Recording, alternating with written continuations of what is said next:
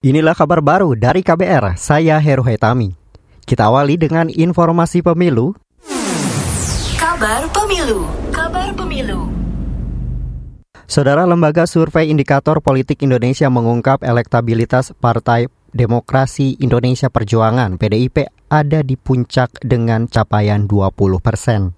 Peneliti utama Indikator Politik Indonesia Burhanuddin Muhtadi mengatakan, raihan PDIP itu ditempel ketat oleh Partai Gerindra dengan capaian 18 persen.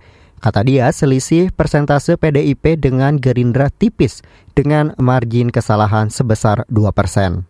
Jadi tren tetap turun buat PD Perjuangan, tetapi selisihnya dengan Gerindra itu dalam margin of error.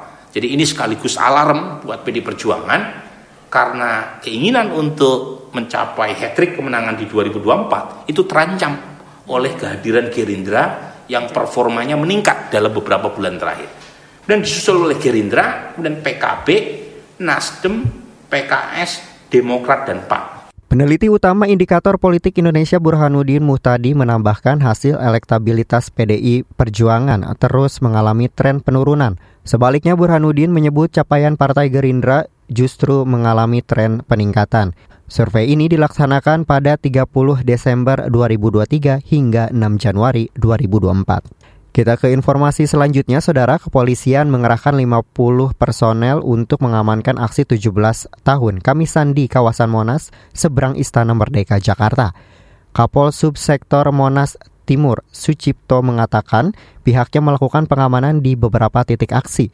Kata dia, belum ada konfirmasi kehadiran dari perwakilan pemerintah untuk menemui masa aksi. Di bila mana ada uh, tentatifnya kalau Medan Solo-nya banyak, tidak menutup kemungkinan kita ada penebalan seperti itu. Tadi Kapol Subsektor Monas Timur Sucipto. Adapun aksi Kamisan pertama kali digelar Kamis 18 Januari 2007. Hari ini aksi sudah berusia 17 tahun. Aksi ini merupakan perjuangan para keluarga korban pelanggaran hak asasi manusia HAM berat masa lalu dengan melakukan aksi diam dengan membawa payung hitam.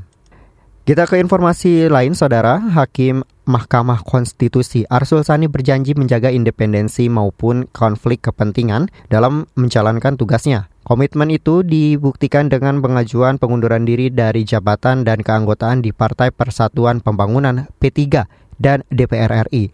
Hal itu disampaikan Arsul usai mengucapkan sumpah sebagai Hakim MK di hadapan Presiden RI Joko Widodo hari ini.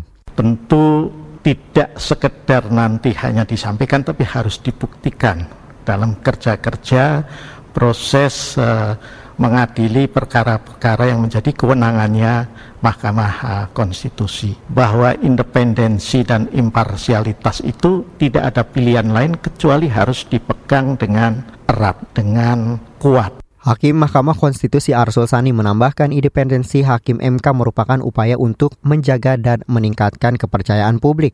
Arsul Sani diangkat menjadi Hakim MK oleh Presiden Joko Widodo menggantikan Wahiduddin Adams yang telah memasuki masa pensiun sejak kemarin. Inilah kabar baru dari KBR, saya Heru Hetami.